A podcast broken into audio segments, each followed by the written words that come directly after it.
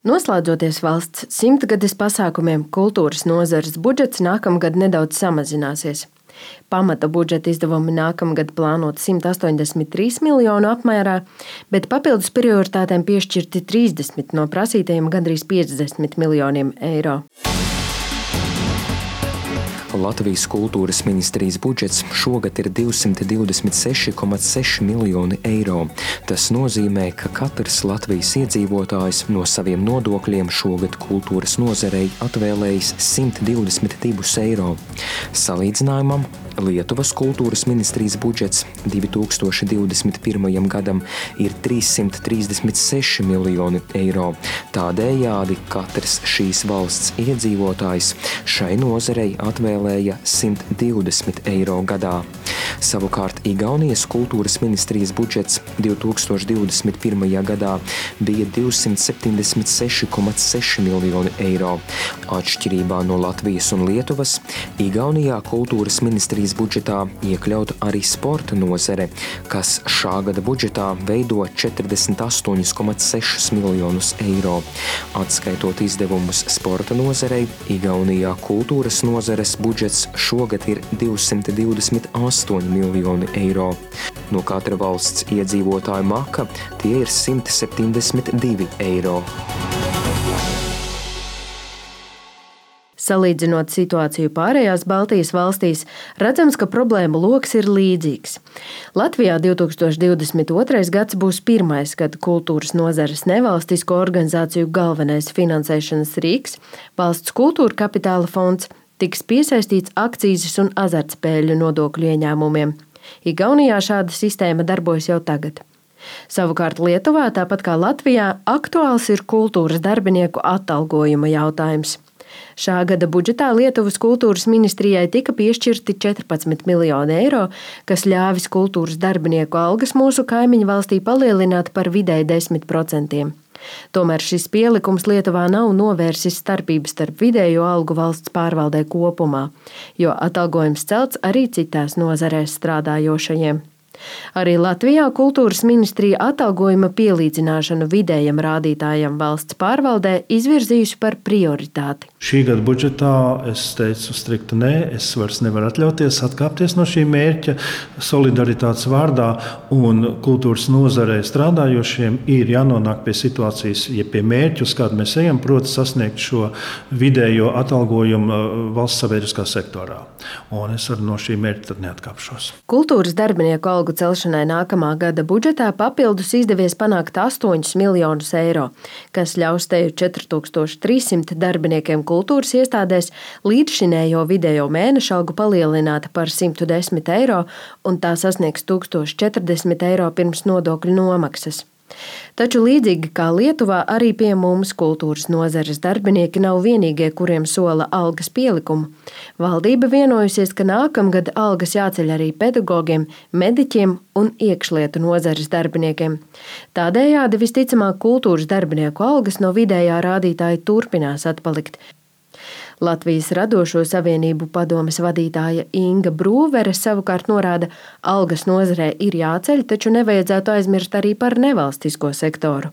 Tajā darbojas daudz pašnodarbināto un individuālo mākslinieku, kurus skāruši ne tikai pandēmijas ierobežojumi, bet arī nodokļu reformas, nesot līdzi gan ienākumu samazinājumu, gan zināmu haosu.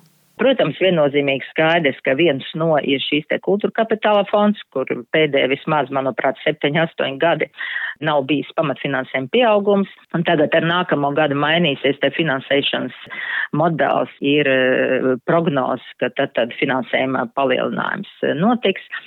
Bet te ir atkal jāsaprot, ka jā, piemēram, konkursos NVO saņem atbalstu 25 vai 30% no pieprasītā finansēm, tad ir skaidrs, ka kāda, teiksim, runa vai garantija par atalgojumu pieaugumu NVO sektorā vispār nav iespējama.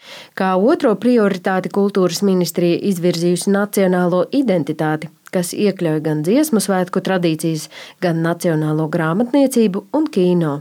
Šim trio kopumā nākamgad papildus paredzēti 11,2 miljoni eiro.